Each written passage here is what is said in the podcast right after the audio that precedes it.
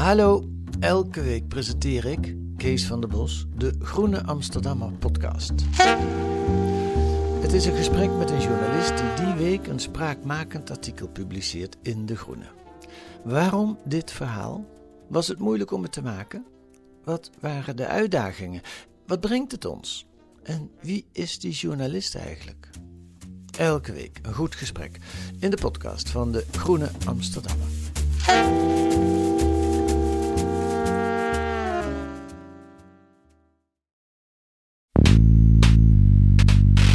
Is voor het eerst in heel lange tijd dat we het ook echt mogen hebben over versplintering. Er zijn maar vier van de 17 partijen die meer dan 10 zetels hebben. Waar voorheen de kiezers van de VVD en CDA prima konden uitwisselen met, met Forum, met de PVV, is dat nu niet meer het geval. Dat rechterblok is in tweeën gescheurd. Er vindt weinig uitwisseling meer plaats tussen die twee groepen kiezers. Dat is het grote risico voor de VVD nu. Door een campagne te voeren op het thema leiderschap, weet die partij heel goed kiezers aan zich te binden op korte termijn. Maar de partij wordt daardoor vereenzelvigd met Rutte. Er is letterlijk campagne gevoerd met een bordkartonnen pop. Dit is Betrouwbare Bronnen met Jaap Jansen.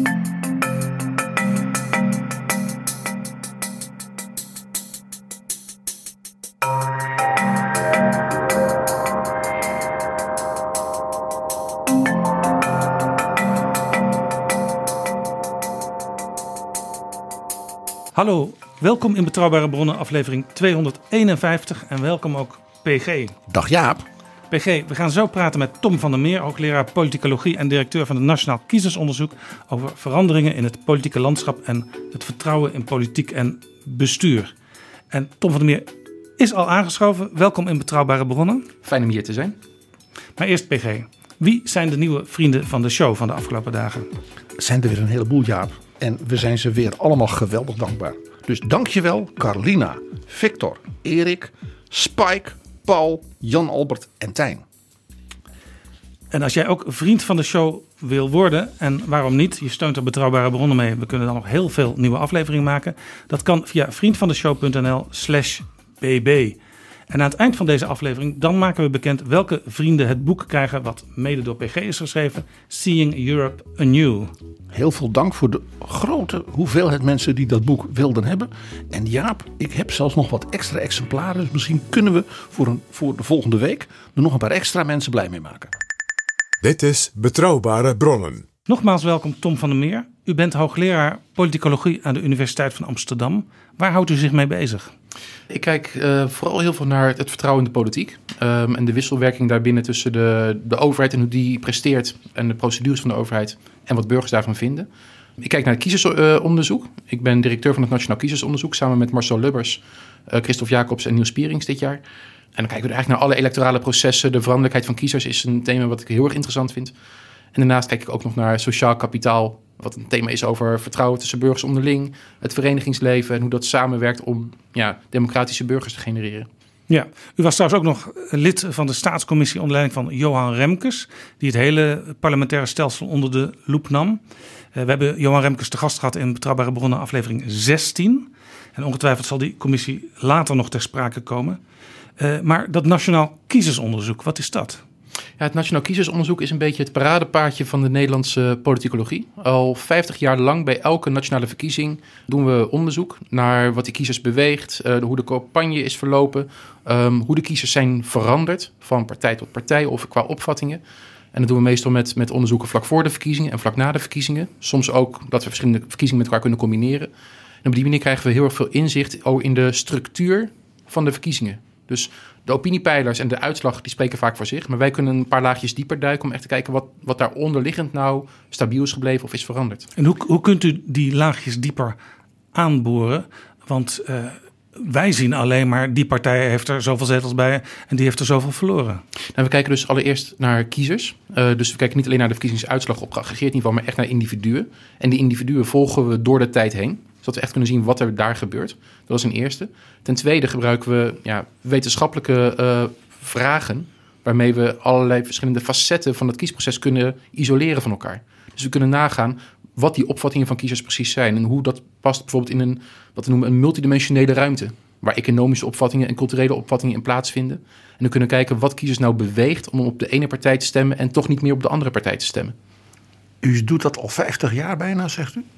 Nou, de Nederlandse politicologen gezamenlijk doen het al 50 jaar. Dit is echt een samenwerking tussen alle departementen uh, aan de universiteiten uh, in Nederland waar politicologie of sociologie of bestuurskunde wordt gedaan.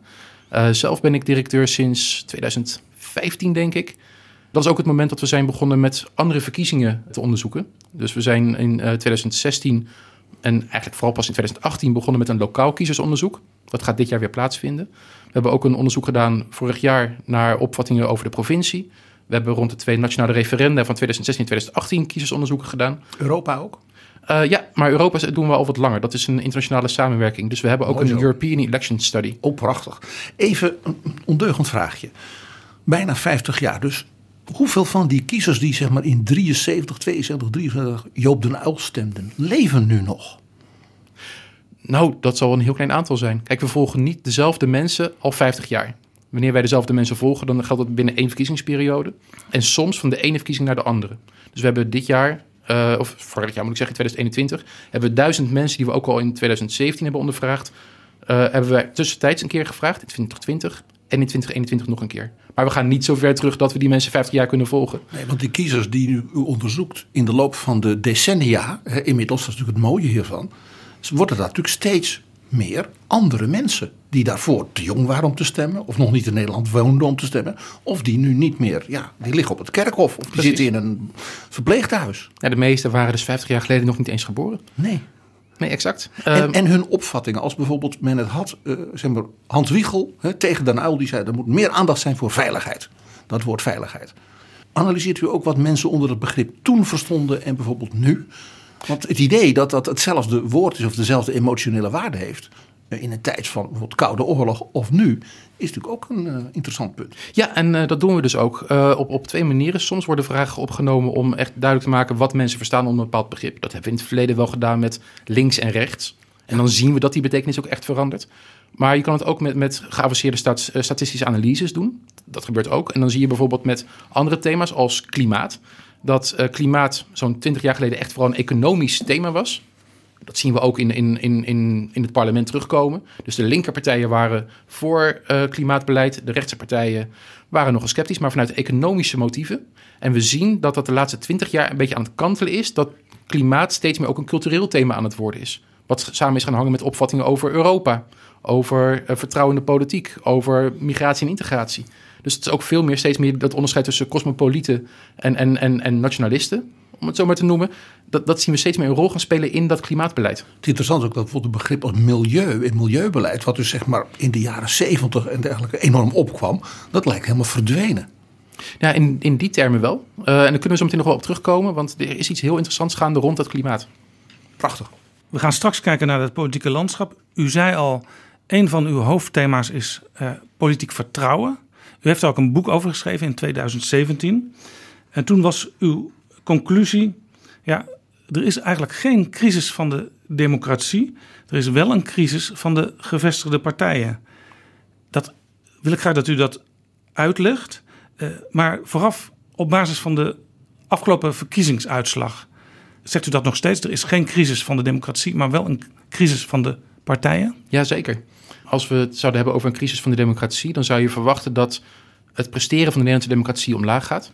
Dat zien we niet gebeuren. Dan zou je verwachten dat kiezers zich hoe, afkeren. Hoe meet u dat, het presteren van de democratie? Nou, op heel veel manieren. We kunnen bijvoorbeeld kijken naar hoe Nederland scoort volgens allerlei expert-rankings. Dus politologen uit de hele wereld beoordelen ook bijvoorbeeld verkiezingen en het proces van verkiezingen en de rechtsstaat. En dan hoort Nederland eigenlijk stevast bij de top of de subtop van de wereld. Ja, komen ook altijd bij de Tweede Kamerverkiezingen nog altijd zo'n 80% van de mensen komt op. De opkomst is heel hoog, wat heel opmerkelijk is. Er wordt dus wel gezegd van ja, de opkomst is lager dan ja, 55 jaar geleden. Maar ja, dat klopt. Toen hadden we opkomstplicht. Toen Tot moesten 1971, hè, dat weet bijna Precies. niemand. Nee, klopt. Maar we hebben Zoals in België. het verleden- We hebben in het verleden David van Rijbroek gehad. Die een paar jaar geleden zei van... kijk, het gaat heel slecht met eh, Nederland, met de democratie... want we zien een neergaande trend met opkomst bij verkiezingen. Maar ja, als je eerst een meetpunt, een meetpunt is tijdens opkomstplicht... dan is dat vanzelfsprekend. We zien ook dus bij, bij de secundaire verkiezingen... zoals eh, eh, de lokale verkiezingen of bij de provinciale verkiezingen... daar hebben we een, een grotere daling van de opkomst gehad. Maar die daling is ook al gestopt, is gestut. Dus daar, bij, bij die twee verkiezingen komt ongeveer rond de 50% van de bevolking opdagen. Bij Europese verkiezingen nou, pak een beetje ongeveer 40%. Maar er zit geen doorgaande trend meer in die omhoog of omlaag gaat. In Amerika komt bij de presidentsverkiezingen net 50% op. En de laatste keer vond men het geweldig. Want dat was de hoogste opkomst, geloof ik, sinds Teddy Roosevelt in 1901. Want dat had de 60 gehaald. Ja, precies. En bij tussentijdse verkiezingen voor, eh, ehm, voor, voor, het, voor het huis eh, is de opkomst nog veel lager daar. Dus nee, ook qua opkomst doen we het heel goed. De enige landen die echt hoger scoren structureel, dat zijn eh, een aantal microstaten. Met een paar honderdduizend inwoners maximaal, maar ook lang niet allemaal. De Noordse landen, maar ook niet allemaal. Eh, en landen met opkomstplicht, maar ook niet allemaal. Dus ja, daar moeten we ook niet heel erg hard over klagen. In die internationale rankings zie je dat Nederland altijd zeg maar, in een soort groep zit. net achter, ik zal maar zeggen, Finland, Zweden en dergelijke. Hè. Dat, dat is een soort blokje aan de bovenkant. Vast al, zeg maar, al eeuwen, bij wijze van spreken. En daaronder heb je dan een groepje landen waar Nederland bij zit. Nou, wij zijn eigenlijk eh, de, de, de, de top van de subtop, zou je kunnen zeggen. Dus inderdaad, de Noordse landen scoren vaak het best. Op heel veel indicatoren van de democratie. En daar hoort Nederland vaak wel bij. Als we kijken naar de opvattingen van burgers en de gedragingen van die burgers. Dan zit Nederland aan de bovenkant van de subtop, van de onderkant van de top. Eh, dat zien we eh, niet alleen in de opkomstcijfers, maar ook bijvoorbeeld in de, de, de tevredenheid met de democratie. Of met de hechting aan democratische waarden. Dan doet Nederland het gewoon heel goed. Kiezers, burgers zijn betrokken bij de democratie. Doet Nederland het dus bijvoorbeeld duidelijk beter dan een land als Frankrijk, een land als Italië? Jazeker, zeker. Zeker vergeleken met een land als Frankrijk of een Engeland. Maar ook vergeleken met een land als Italië. Eh, wij zitten op of boven het niveau van, van bijvoorbeeld een Zwitserland. In Nederland presteert heel goed. Dus wat dat betreft hebben we geen referenda nodig. Nou ja, referenda moet je niet eh, organiseren met het idee dat je daardoor bijvoorbeeld meer vertrouwen in de politiek gaat krijgen. Wat men vaak zegt.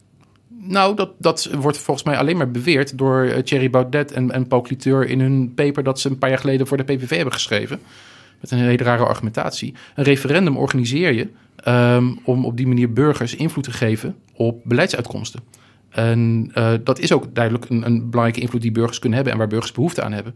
En daarnaast is het referendum een participatiekanaal waarmee een bepaalde groep kiezers in staat wordt gesteld om zich ook over die politiek te uiten, die anders via andere kanalen nooit aan bod komen. Dus heel vaak doen wij in Nederland alsof eh, de meeste burgers van die politieke dieren zijn. Als je ze maar de mogelijkheid geeft om, om te participeren, dan maken ze daar graag gebruik van. Ja, alles kan tegenwoordig via de computer, dus je zou elke dag kunnen stemmen, bij wijze van spreken. Ja, bijvoorbeeld. Maar het- als we kijken naar, naar activiteiten die worden ingesteld op gemeentelijk niveau of op nationaal niveau, dan hebben we een right to bid. Dat burgers zelf kunnen aangeven: nee, wij gaan deze taak overnemen. Ehm, of of eh, we hebben eh, inspraakavonden. eh, lotingen, willekeurige groepen burgers worden eh, binnengehaald. We hebben internetconsultatie. Maar de groepen burgers die daar gebruik van maken, het zijn over het algemeen hoogopgeleide, blanke mannen van middelbare Die leeftijd. het toch al leuk vonden om dit soort dingen te doen. Precies. Ja, dus het probleem wat vaak eh, geschetst wordt, eh, dat eh, hoogopgeleide mensen zich met politiek bezighouden en bestuur en anderen veel minder, dat los je daar in ieder geval niet mee op. Nee. En- Alsof het al een verwijt zou zijn aan die hoogopgeleide burgers. dat ze dus een gevoel hebben voor de publieke zaak. Want dat zit er altijd een beetje onder. alsof dat iets is wat je die mensen moet verwijten. Nee, dat is het dus niet. Het is niet dat je het, het ze moet verwijten, maar je moet het omdraaien. Is het de oplossing voor het probleem dat je zelf signaleert? En een referendum trekt net als verkiezingen een veel bredere groep burgers aan.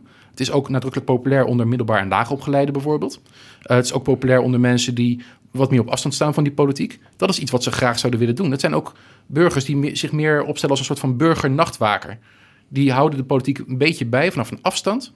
Maar als het nodig is, dan willen ze kunnen ingrijpen. Ja, Maar dat is meest- meestal niet vier maanden van tevoren, als de eerste nota een keertje is geschreven, dat, dat ze dan al hun antennes hebben uitstaan. Nee, het is op het moment dat het acuut wordt en er een stemming dreigt in de raad of, of in het parlement. Maar u stelt dus vast voor zeg maar, die fundamentele vertrouwensrelatie van de democratie. Zoals in de Noordse landen en waarin Nederland dus ook echt goed doet. In een land als Zwitserland is het niet nodig. Nee, nee, het is geen argument. Eh, het, het vertrouwensargument is geen argument voor of tegen referenda. Ja. En zelfs Zwitserse onderzoekers, die heel veel ervaring mee hebben, die laten dit zien. Het kunnen organiseren van een referendum heeft een heel klein positief effect op het vertrouwen. Want het houdt politici scherp, het geeft burgers meer invloed. Maar het daadwerkelijk organiseren van een referendum heeft een heel klein negatief invloed. Want dan komen de groepen tegenover elkaar te staan en iemand raakt teleurgesteld. Het, Ja, helpt, maar helpt, netto- het helpt polarisatie. nou, Maar het nauwelijks. het Maar het referendum- netto resultaat is nul. Maar het referendum als, als ventiel, eh, zoals de commissie Remkes waar u in heeft gezeten het omschrijft, eh, dat ziet u dus wel. Zeker. Het is een inhoudelijk, eh, het is een inhoudelijk instrument.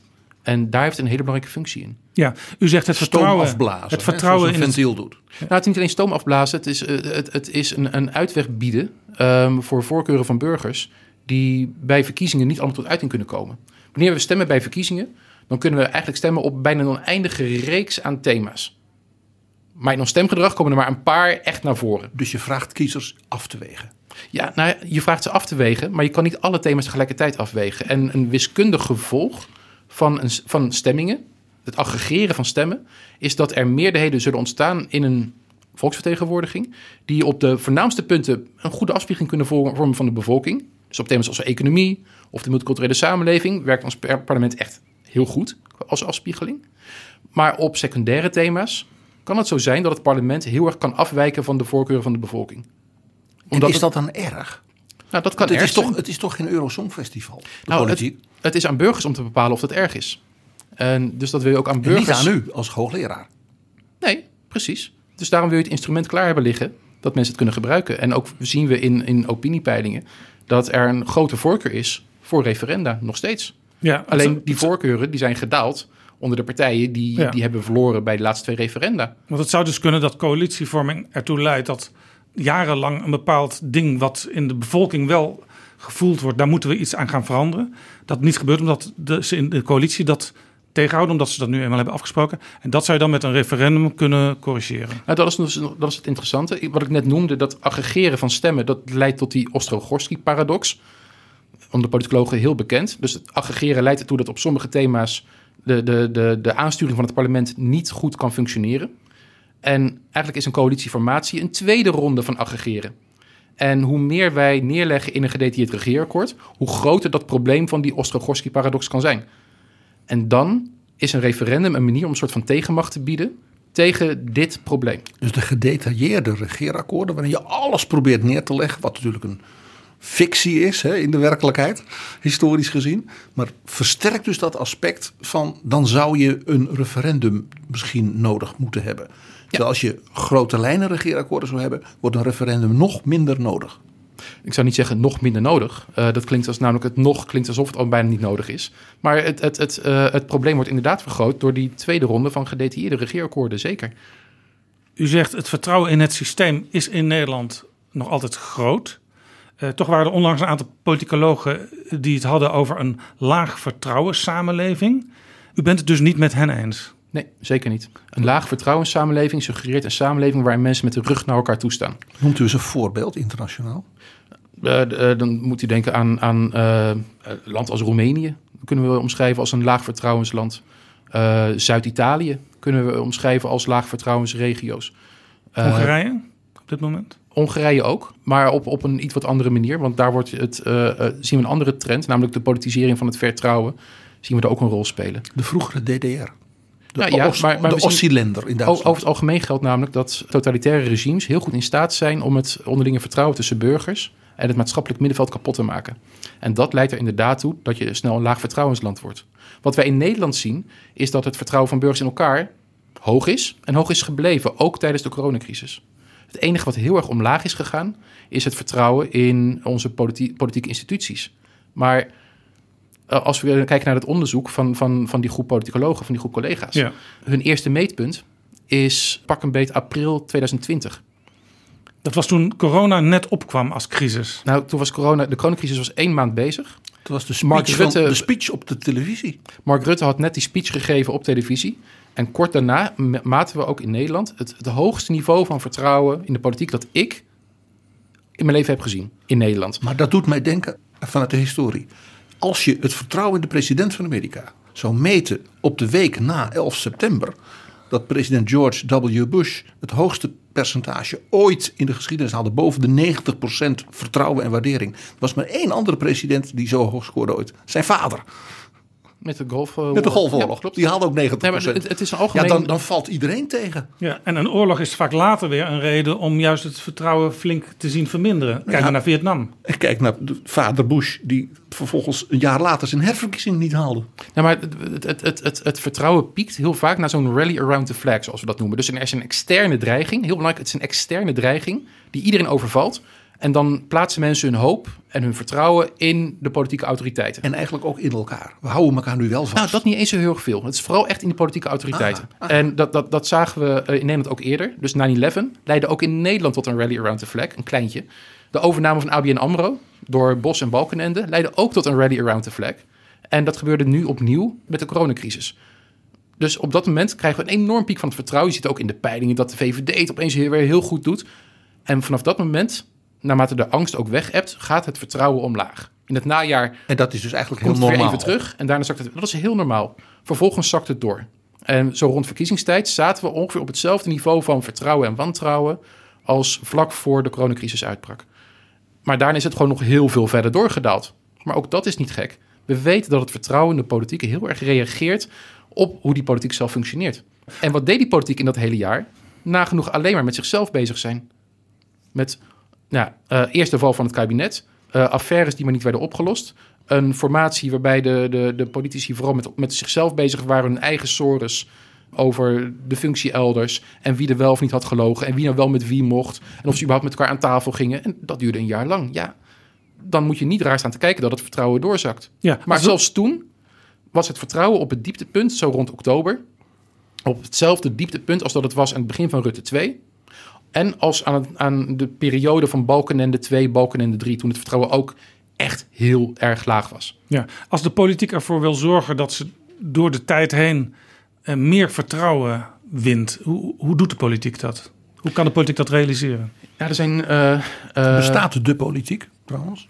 in, in de perceptie van burgers bestaat inderdaad zoiets als de hè? politiek. In de perceptie van burgers. In de werkelijkheid niet. Ja, in de werkelijkheid is het allemaal veel, veel complexer. Maar we kunnen, moeten niet ontkennen dat die politieke partijen en eh regeringen en het parlement... dat die gezamenlijk in een soort van, van ja, habitat zitten... waarbij ze gezamenlijk spelregels hebben, gezamenlijk een gemeenschap vormen... en dat ook gezamenlijk uitdragen. Het is een het- dorp, hè? Ja, het, het probleem van een dalend vertrouwen kan je dus ook niet zomaar toeschrijven aan maar één persoon. Je kunt niet zeggen, ja, Mark Rutte is hiervan de schuld. Zoals sommige partijen in het parlement wel hebben geprobeerd. Zo werkt het nou ook weer niet.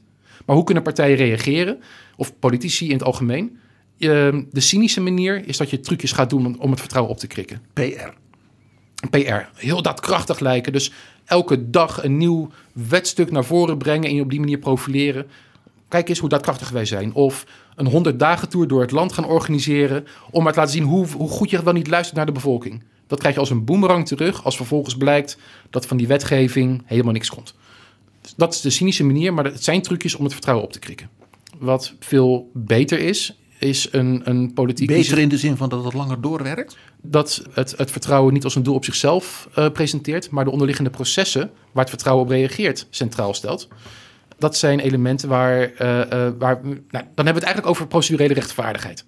Het gaat over een overheid die niet alleen transparant is, maar ook fair is, zich onpartijdig opstelt naar de bevolking en die problemen probeert op te lossen, die evenredig is, die proportioneel is. En als we dan kijken En een naar beetje nuchter. Dat, dat hoort er dan bij, eh, die niet te veel politiseert, want daar hebben burgers vaak een broertje dood aan. De burgers houden niet hè, van politiek eigenlijk. Nou, dat is een heel mooi rapport van het SCP van een paar jaar geleden. eh, van Paul Dekker en Josje den Ridder. Die, die hebben een, een stuk geschreven over meer democratie, minder politiek. Waarbij de ironie is dat democratie niet kan bestaan zonder de politiek. Maar die politiek moet wel ten dienste staan van de democratie. Moet ten dienste staan van de burger. En dat is nou wat het laatste jaar eigenlijk heel erg fout is gegaan. Dus ehm, die schandalen moeten worden opgelost. Die moeten op een faire, eerlijke, transparante manier worden aangepakt. Dat is een manier. De rolverdeling moet duidelijk zijn tussen wat een bestuur is, wat politiek is, waar het parlement in staat. Dat zijn elementen die helpen aan het versterken van het vertrouwen. Er worden tegenwoordig, als het, zeker als je het vergelijkt met 10, 20 jaar geleden, in het parlement, in de Tweede Kamer, heel veel moties van wantrouwen ingediend. Hoe kijkt de kiezer daarnaar? Ja, ik denk niet heel erg. De- Zie- de- zien ze het überhaupt? Want ze zijn vast be- bezig met hoe hun voetbalclub het doet... of hoe het in het gezin gaat, of dat oma ziek is. nou, de meeste kiezers die, die, die, die monitoren die politiek dus echt wel. Maar de, de, er zit een diepere stroom onder. En wat ik net al aangaf, het, het vertrouwen in de politiek is niet structureel gedaald. Het vertrouwen in de politiek is de laatste anderhalf jaar of twee jaar heel erg gedaald. Maar we zaten ook op een enorm hoogtepunt. En dat is een zorg voor de politiek. Dit moet de politiek aanpakken, want dit heeft gevolgen. Om eerst even dit lijntje af te maken. Laag vertrouwen in de politiek leidt er ook toe dat burgers bijvoorbeeld minder snel vertrouwen hebben in beleid dat er wordt gevoerd. Bijvoorbeeld rond corona.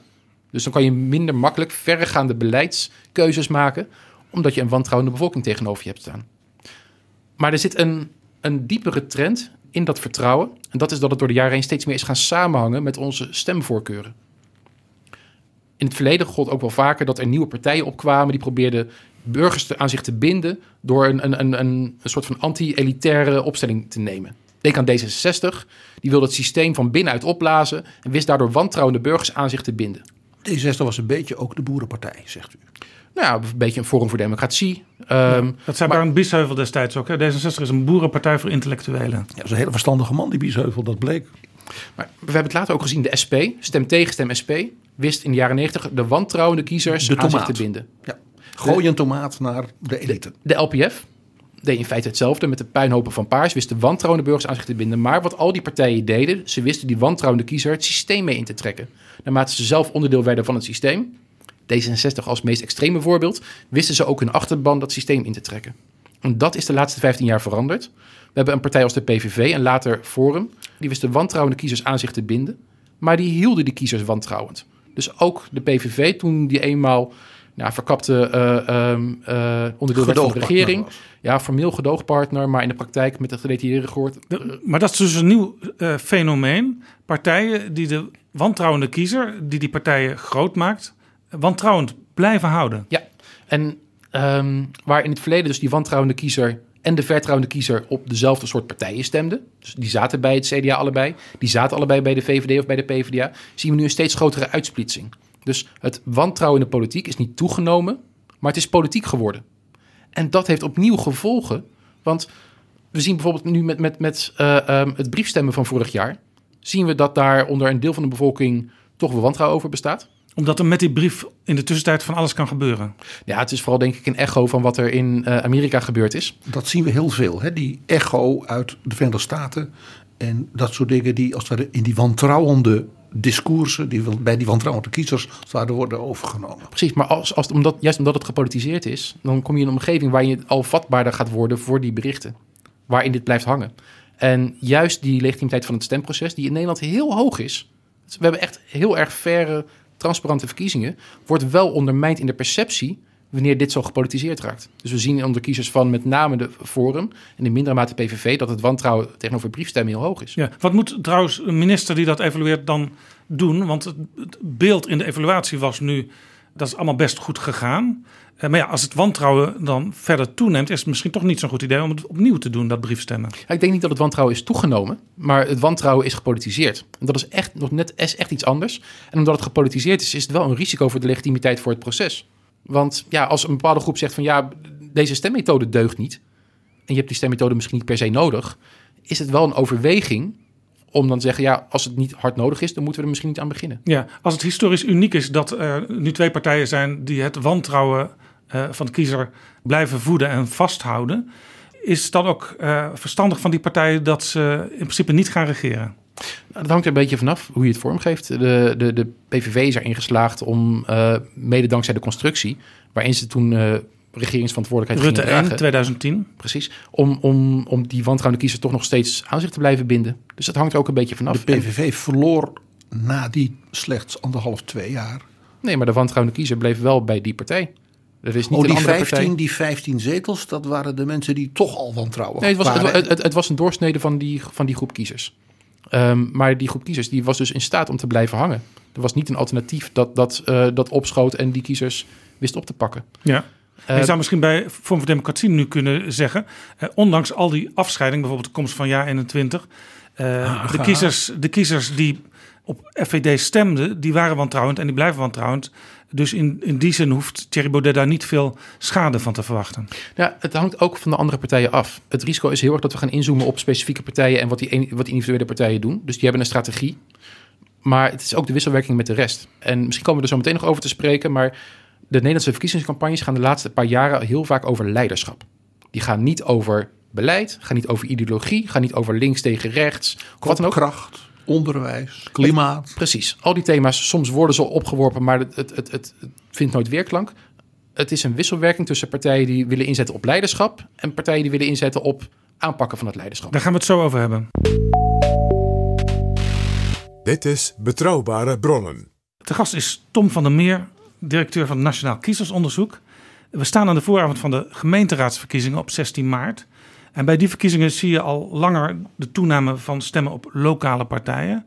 Wat zegt dat en maakt het dat het ook niet heel moeilijk om nog vergelijkingen met de nationale verkiezingen te maken? Ja, allereerst moeten die uitslag nog gaan zien. Maar mijn verwachting is dat de, ehm, de lokale partijen weer zullen gaan groeien ten opzichte van, van een aantal jaar geleden. Ten opzichte van vier jaar geleden. Dat is een trend die al veel langer gaat. Deze. Ja, die trend is al heel veel langer gaande. Maar het zal in dit geval zeker een stimulans krijgen door het feit dat de nationale politiek zo massaal gewantrouwd wordt. Dat zal in het voordeel werken van partijen die daar niet bij betrokken zijn, namelijk de lokale partijen. En die vergelijking met de nationale trend zien we nog steeds wel. We zien wanneer partijen landelijk verliezen dat ze dat bijna in alle gemeenten doen. Dus toen de, de PvdA in 2014 verloor, verloren ze bijna in alle gemeenten. En dat konden we overal wel lokaal duiden aan een corruptieschandaaltje hier... of het Spuiforum in Den Haag of Wijk Feyenoord in Rotterdam. Maar eigenlijk overal verloor de PvdA min of meer hetzelfde Ja, percentage. tragisch is ook vaak op zo'n verkiezingsavond dat dan de spindokters van zo'n partij net op die twee of drie gemeenten wijzen waar ze nog wel winst hebben gemaakt. Ik, hoor, ik hoor in het CDA nu al dat men verwacht dat men de peilingen gaat verslaan. Precies. Dus dan halveer je als partij, maar dan zeg je ja, maar de peilingen zijn En dan niet is min vervolgens- 50, maar min 60 Ja, en PG, dan is vervolgens de vraag, met welke peiling vergelijken ze eigenlijk? Ja, maar er is, al- er is altijd een peiling die je wil gebruiken. Nou, oh, om niet even op in te raken meteen. Eh, het is niet alleen achteraf, maar het is ook vooraf een groot probleem. We zien nu weer, en dat zagen we vier jaar geleden ook, dat, dat er partijen zijn, nu D66, een paar jaar geleden waren het GroenLinks en, en, en eh, eh, Leefbaar Rotterdam, die gaan peilingen aan media voeden. Maar welke, welke peilingen zullen ze voeden aan de media? De peilingen waarin zij het goed doen. Door hen zelf opgedragen peilingen met door hen Exact. zelf gemanipuleerde data. Ja, zo heeft Nou, het, zo heeft ik geloof bijvoorbeeld niet- Het, Parool niet. heeft in Amsterdam eh, een, een door de Maurice de Hond op eh, vraag van D66 ge- gedaan enquête gepubliceerd. En ik geloof in Den Haag heeft D66 het via het AD ook eh, op dezelfde manier gedaan. Ja, ik denk niet dat de data gemanipuleerd zijn. ik geloof heel erg in, in, in, in die eerlijkheid van, van, zowel de pijlers, die daar heel erg autonoom in zijn, als van de partijen. Maar de manipulatie zit er al in dat je natuurlijk alleen maar naar buiten gaat komen wanneer het je uitkomt. Of misschien met alleen maar die gemeente naar buiten gaat komen als het je uitkomt. Wanneer redacties hierin meegaan, dan maken ze eigenlijk, laten ze belangrijke journalistieke keuzes maken door een belanghebbende partij. Dus dat Dan is zijn ze dus een verlengde arm van de PR van D66. Ja, in dit concrete geval zou dat het geval zijn, ja. En ik snap de schaarste waar, waar lokale redacties mee te maken hebben. Hè, want het is duur om een peiling te organiseren. En je kan het van belang vinden. Maar in de kern komt het er wel op neer. En dat het CDA altijd het beter doet dan de peilingen. Heeft vooral mee te maken. keer hopen ze dat. Ja, maar dat hebben ze bij de laatste paar verkiezingen ook wel vaker gehad. Provinciaal of lokaal. Dat komt vooral omdat ja, lokaal is er een selectievere opkomst. Degene die opkomen, dat zijn de, de trouwe kiezers. En het CDA heeft momenteel heel veel trouwe kiezers, relatief gezien. Simpelweg omdat er zo weinig van over zijn gebleven. Laten we kijken naar de uitslag van de Kamerverkiezingen vorig jaar. Eh, want u heeft daar eh, met uw collega's heel veel onderliggende cijfers. En er worden ook nog steeds nieuwe onderzoeken gedaan op basis van die cijfers. Ik zag in ieder geval twee dingen. De oude coalitie die boekte lichte winst. Je bedoelt de coalitie van Rutte 3. Ja, die nu VVD, weer dezelfde coalitie is geworden. D66, CDA, ChristenUnie. Rutte 4. Er zijn 17 fracties gekozen. Eh, in 1970 was het hoogste aantal 14. Dus het is echt een enorm aantal. Eh, Nog even los van wat er nu weer in de Tweede Kamer Dus Jaap, jij zag twee dingen. Een opvallende stabilisering en versplintering tegelijkertijd. Ja, wat zag u in die uitslag? Ja, allereerst, die, die, die, die, die punten die, die u net noemt, die, die kloppen. En op de dag na de verkiezingen sprak eh oud-minister Roosentaal eh, sprak ik bij de Bali... en die zei van, "Nee, het is een hele stabiele uitslag dit. We laat echt zien dat Nederland gewoon stabiel is geworden. Ook de, de verkiezingsuitslag was nooit zo stabiel sinds 1989. S- Zijn, sinds 1989 zijn Ja, zo maar- weinig zetels van... Maar dan van keek Roosentaal dus eigenlijk naar het, het, zeg maar de top van het landschap... en waarschijnlijk ook als oud-informateur naar de mogelijkheden van coalitievorming. Dat denk ik wel. Maar ik heb het toen een beetje lacherig op gereageerd van ja, het is net zo stabiel als een achtbaan. Helemaal aan het eind van de rit ben je toevallig op hetzelfde punt uitgekomen.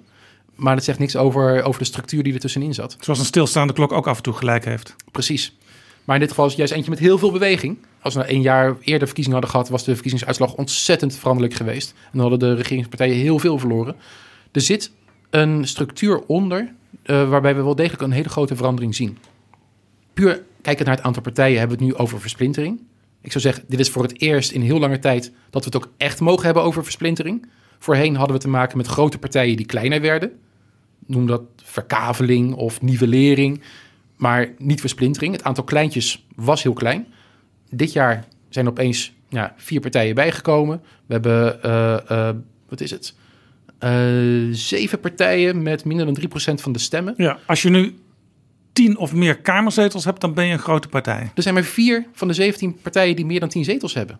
Dus er is nu echt een sprake van een soort van versplintering. Zoals En we 10 eerder niet zetels was. 10 zetels, 15 zetels was in zeg maar nou, relatief niet zo heel lang geleden politieke verhoudingen een middelgrote richting kleinere partij. Precies. Dan was je wat D66 structureel haalde.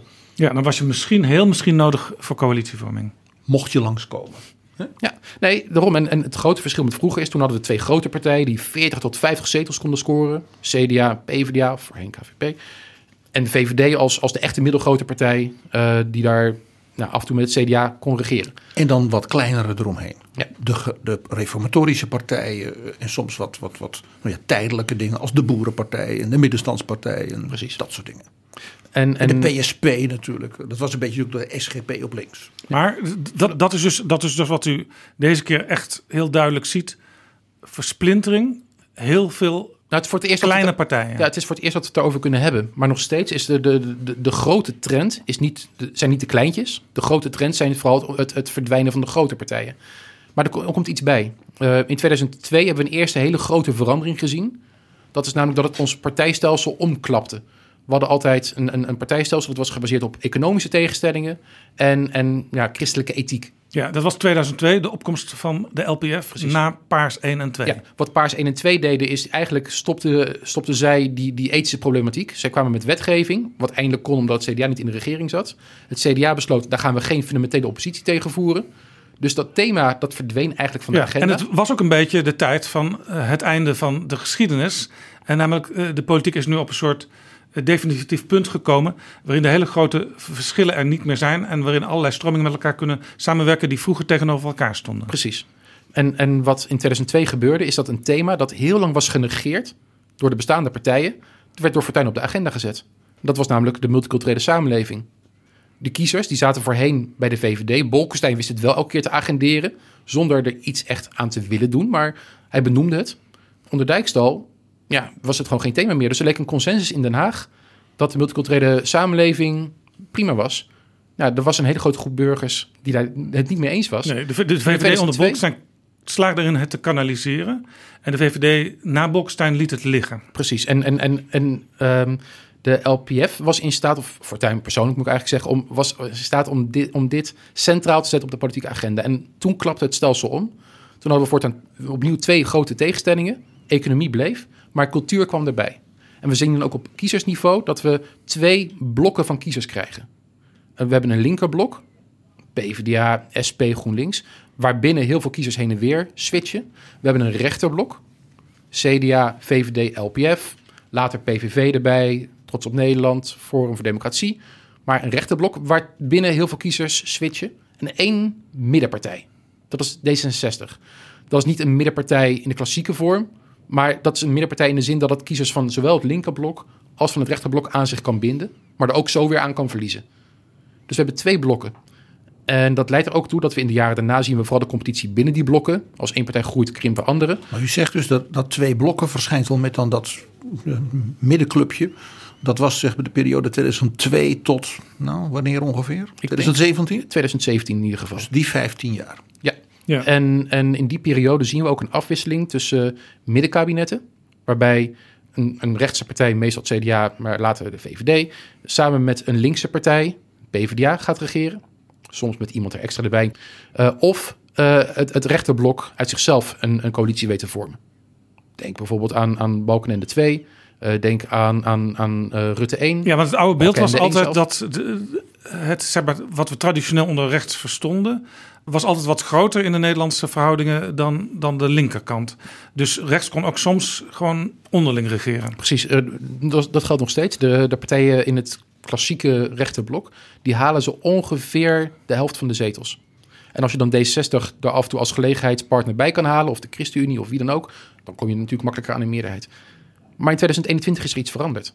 Waar voorheen de kiezers van de VVD en CDA prima konden uitwisselen met, ehm, eh, met, met Forum, met de PVV, is dat nu niet meer het geval. Dat rechterblok is in tweeën gescheurd. Er vindt weinig uitwisseling meer plaats tussen die twee groepen kiezers. En dat leidt ertoe dat we een systeem hebben met drie blokken. En dat is anders. Maar dat heeft ook direct gevolgen bijvoorbeeld voor de formatie. Wat we nu in de formatie zien, is dat dat bestaan van het derde blok, dat weegt wel mee in het vinden van de meerderheid. Maar omdat de kiezers toch niet meer echt mee mogen doen in de formatie zelf. Ja, of niet meer mee willen doen, want die eh, partijen willen hun kiezers ook graag wantrouwend houden. En ja, mee gaan doen is dan een groot risico. Nee, precies. Denk aan wat Wilders in 2017 zei, dat hij niet met de VVD ging regeren zolang eh, Rutte daarvan aan de leiding zou staan. Ja, dan, dan zoek je het ook zelf een beetje op. Maar als, als die groep eh, niet meedoet, dan is er nu geen mogelijkheid meer om een, een meerderheidscoalitie te vormen binnen één blok. Dus je zal altijd coalities moeten zoeken over meerdere blokken heen. Maar dat is in feite het Nederland van vroeger. Waarbij je dus de linker en de rechterblokken elkaar uitsloten. Hè, PvdA en VVD, om het even zo te zeggen. En dus de confessionele in het midden eh, vond men dan comfortabel. Eh, eh, nou ja, dan hè, een gunstgave aan de ene kant of dan een gunstgave aan de andere kant. dan dus zie op je- dat punt is Nederland dus weer Ja. zo stabiel als maar Nee, juist niet. Eh, de, de, de Leg grote, uit. de, de- het grote verschil is dat eh, de ene keer de ene kant op buigen, de andere keer de andere kant op buigen. Dat gaat We niet buigen niet naar links en we buigen niet naar rechts. Zijn Dries van Acht. in de coalitievorming. Maar de ene keer naar links en de andere keer naar rechts buigen. dat, dat gaat niet als, als je niet naar rechts kan buigen, omdat die groep partijen eh, in jouw uitspraken niet mee mag doen. Dus dan kan je niet afwisselen. Je hebt geen alternating government meer. Je hebt eh, dan, dan een regering waarbij je constant vanuit het linker en het, en het centrum-rechtse blok een meerderheid moet gaan proberen te vormen. En dat leidt tot een bepaalde vorm van, van stagnatie. Die middenpartijen, zoals we dat vaak noemen, die zijn op deze manier, in deze opzet, steeds meer tot elkaar veroordeeld. Dit gaat Die de zijn dus formatie gedwongen door de, deze dus nieuwe omstandigheden. Dus anders dan, ik zal maar zeggen, hè, de fameuze uitspraak van Dries van Acht. Om altijd dan toch naar die linkerkant te moeten kijken voor stabiele meerderheden. Ja, op deze manier wel. En dat komt zitten doordat, paar- het, doordat het eh, veld smaller is geworden in het midden. Omdat er aan de rechterkant dus eh, partijen zijn die, die in, in beginsel niet mee gaan regeren. Je hebt natuurlijk aan de linkerkant heb je ook wel een partij als de SP die, als het erop aankomt, vaak ook eh, niet mee gaan doen. Dus, dus je ziet het aan beide kanten. Alleen aan- de rechterkant misschien nog wel wat steviger. Ja, aan, aan de rechterkant zie je dat het ook gewoon echt wederkerig is. Maar dit is een ontwikkeling die we ook eigenlijk in andere landen wel zien. Nederland is, is, is een soort van eh, het, het petrischaaltje van, van, van democratische ontwikkelingen. We zien hier vaak dingen veel eerder, omdat we zo'n prachtig evenredig stelsel hebben. Maar we zien ook in Zweden dat de opkomst van de Zweden-democraten ook in Zweden de formatie bemoeilijkt. Want ja, het is een partij die neemt zetels weg van de meerderheidsvorming. Ja, dan moeten die overgebleven partijen moeten nog steeds wel proberen een meerderheid te vinden. Al dan niet via minderheidsconstructies. In Finland, we zien het in Duitsland. Finland zag je het met de ware Finnen. In, in Denemarken zag je het ook. Met in- hun soort PVV. Nou, eh, in- we zien het in Duitsland, Ja. met de alternatieven voor Duitsland. Ja. Maar we zien het juist niet zozeer in Denemarken. Denemarken heeft een andere oplossing gekozen. Daar doen, daar doen ze mee. Daar doen ze mee. Eh, en Dus dat daar was- hebben ze Rutte 1 gewoon gemaakt. Daar hebben, is Rutte 1 volledig gemaakt. Ehm, en, en daar heb je wel dus een soort van afwisseling tussen het linkerblok en het rechterblok. En is dat rechterblok intact gebleven. En dat is wel een verschil met Nederland.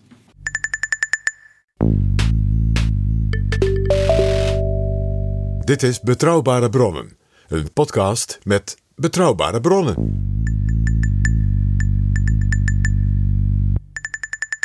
Ik wil even kijken naar eh, eh, de verschillende politieke stromingen. Eh, de, de uitslag vorig jaar die was heel prettig voor Mark Rutte. Althans, zo bracht de VVD het in de duiding. Eh, want zijn partij bleef de grootste. En na een hele lange formatie eh, bleef Rutte ook het stuur van het schip van staat in, in handen houden. Wat zegt dit over de VVD? Ja, wanneer we het hebben over de neergang van de grote partijen in Nederland, dan hebben we het heel vaak over de grote drie. En dat is niet waar, want we zien dat de VVD is structureel gewoon gegroeid. Eh, niet alleen onder Rutte, maar ook al daarvoor. Dus de, V- de- als we het hebben over de neergang van de klassieke partijen, is dat de neergang van het CDA en van de PvdA. Ja. Vroeger de dominante partijen. En Precies. Die gingen soms samen regeren, maar in ieder geval, het was altijd een van die partijen die regeerde met dan wat andere partijen erbij. Exact. En het waren natuurlijk ook twee partijen van de klassieke eh, maatschappelijke indeling in Nederland van de zuilen. exact. Ja. Nu zie je dus eigenlijk dat het liberalisme van de VVD en ook dat van D66, wat weer een ander soort liberalisme is, dat dat nu in feite vanuit het midden kijkt, hoe gaan wij een coalitie vormen? Ja, een beetje wel, maar ehm, er zitten ook hele grote veranderingen. Allereerst, het, de VVD en het CDA bevinden zich eigenlijk op het zwaartepunt van de Nederlandse politiek. Het zwaartepunt van de Nederlandse politiek is structureel net rechts van het midden geweest. Het CDA zat er altijd. Als je dan de grootste bent, dan, dan heb jij de leiding. Nu is de VVD de grootste, zit ongeveer op hetzelfde punt. Dus die kan die die rol uitspelen. Maar het is echt niet hetzelfde meer als het CDA van vroeger. Het CDA van vroeger had echt de sleutelpositie. Die, kon echt, die was noodzakelijk voor elke ideologisch zinnige coalitie. Je kon niet zonder het CDA. Eigenlijk niet. De VVD heeft die positie van het CDA misschien wel ideologisch min of meer over kunnen nemen. Maar door de versplintering van het partijlandschap is het niet meer zo vanzelfsprekend dat de VVD noodzakelijk is voor elke coalitie. Was dit ook waarom Rutte op een gegeven moment zei, toen er zoveel kritiek op hem was op 1 april, desnoods ga ik in de oppositie zitten en vanuit daar de VVD leiden en dan doen anderen het maar.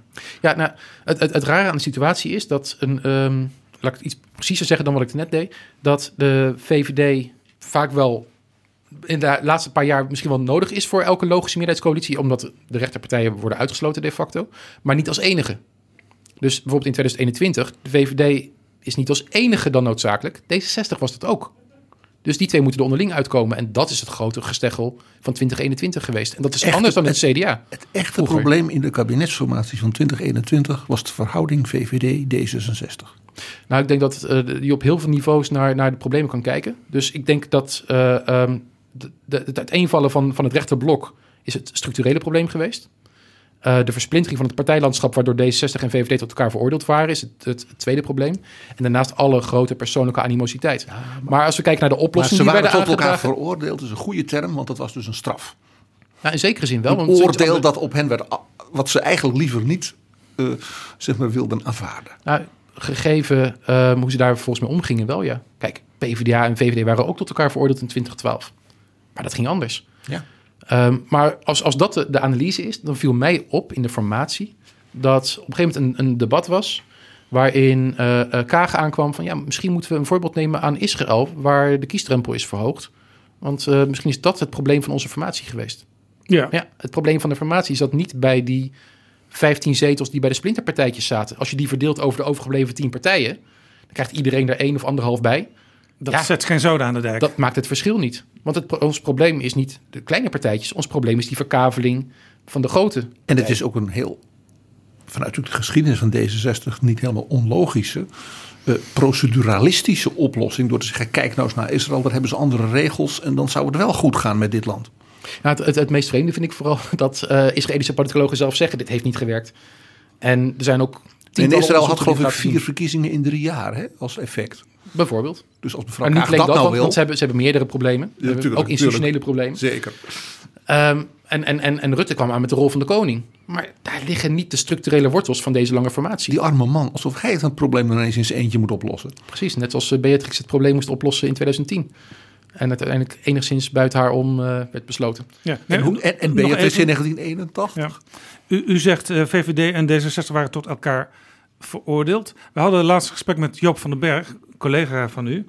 En die zei, D66 had niet hoeven buigen eh, voor die eis van eh, VVD en CDA... dat Partij van de Arbeid en GroenLinks samen er niet bij mochten komen. Eh, want D66 had gewoon dat kunnen doordrukken. D66 was nodig. Bent u dat met hem eens? Nee, niet in deze vorm. Ik heb het toen ook gehoord. Er zit een aanname in dat D60 als enige nodig is. Maar de VVD was ook nodig. Dus ze hadden allebei die rol kunnen spelen. Dus dat, het was En toch een soort prisoners paaltje dilemma in feite. Ja, en als puntje bij paaltje komt, is dan de enige uitweg. Zou dan uiteindelijk ooit een keer nieuwe verkiezingen zijn geweest? Behalve dan totale stagnatie. En bij nieuwe verkiezingen, ja, wie ehm, heeft ervaart dan de zwaarste druk? Dat leek op dat moment toch D66 te zijn. Dus ik, ik was het niet helemaal eens met die analyse. Ja, nog even naar het grote historische verloop van verkiezingsuitslagen. We hadden het er al een paar keer over. Eh, De grote stromingen vroeger waren de Christendemocraten en de Sociaaldemocraten. Zonder een van die twee kon er überhaupt geen kabinet gevormd worden. En soms waren zij ook gedwongen om samen te gaan, omdat de rest van de partijtjes, die waren zo klein, die, die konden eh, ja, geen zoden aan de dijk zetten.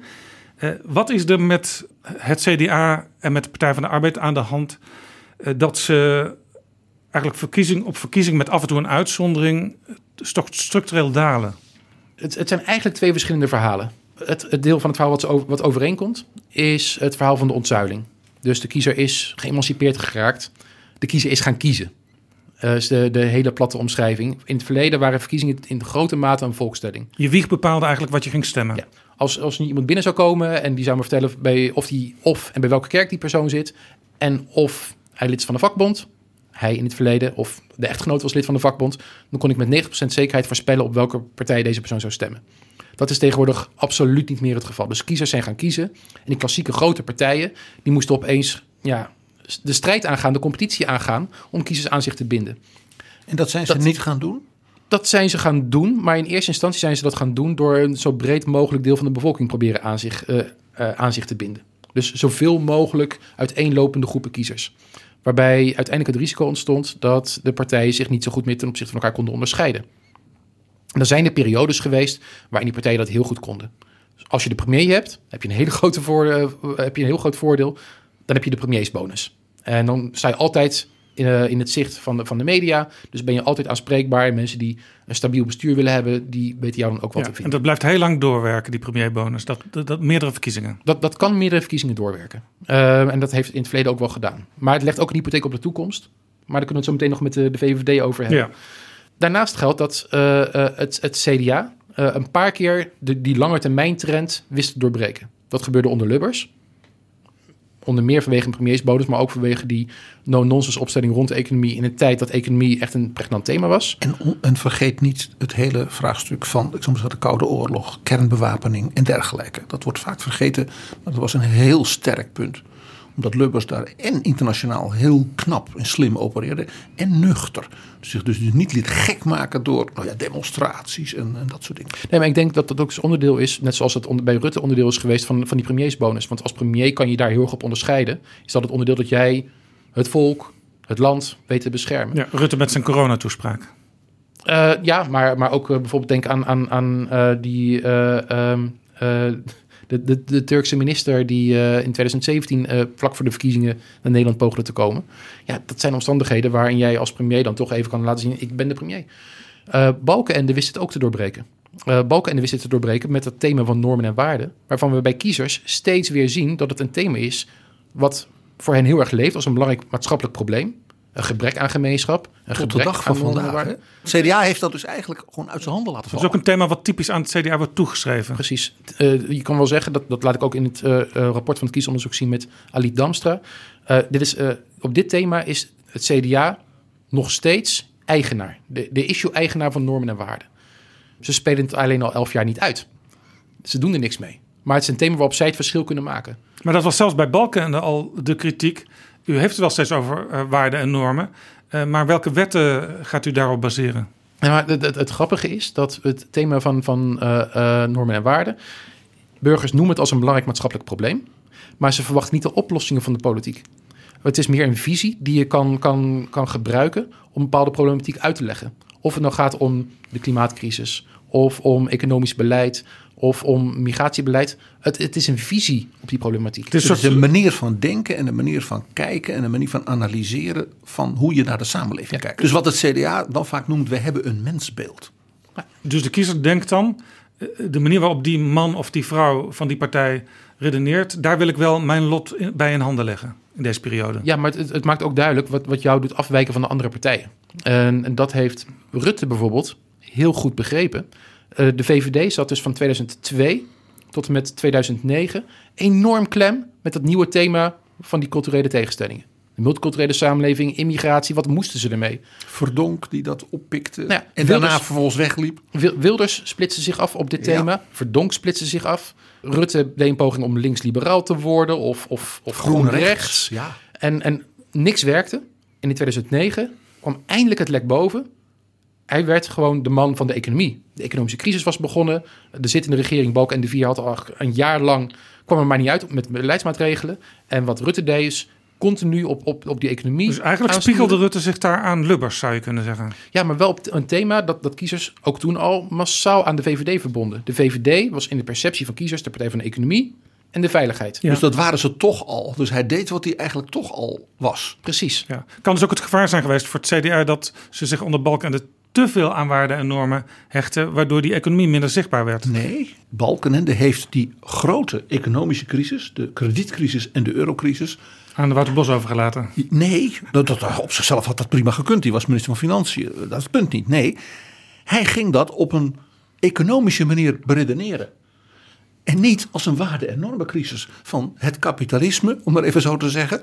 En de manier waarop in Europa samen dingen, hè, hoe we elkaar dat soort dingen regelen. Dat doen we vanuit onze waarden, vanuit onze normen. We moeten misschien dat bestel, de, dat flitskapitalisme en dat soort dingen, misschien wel meer normeren.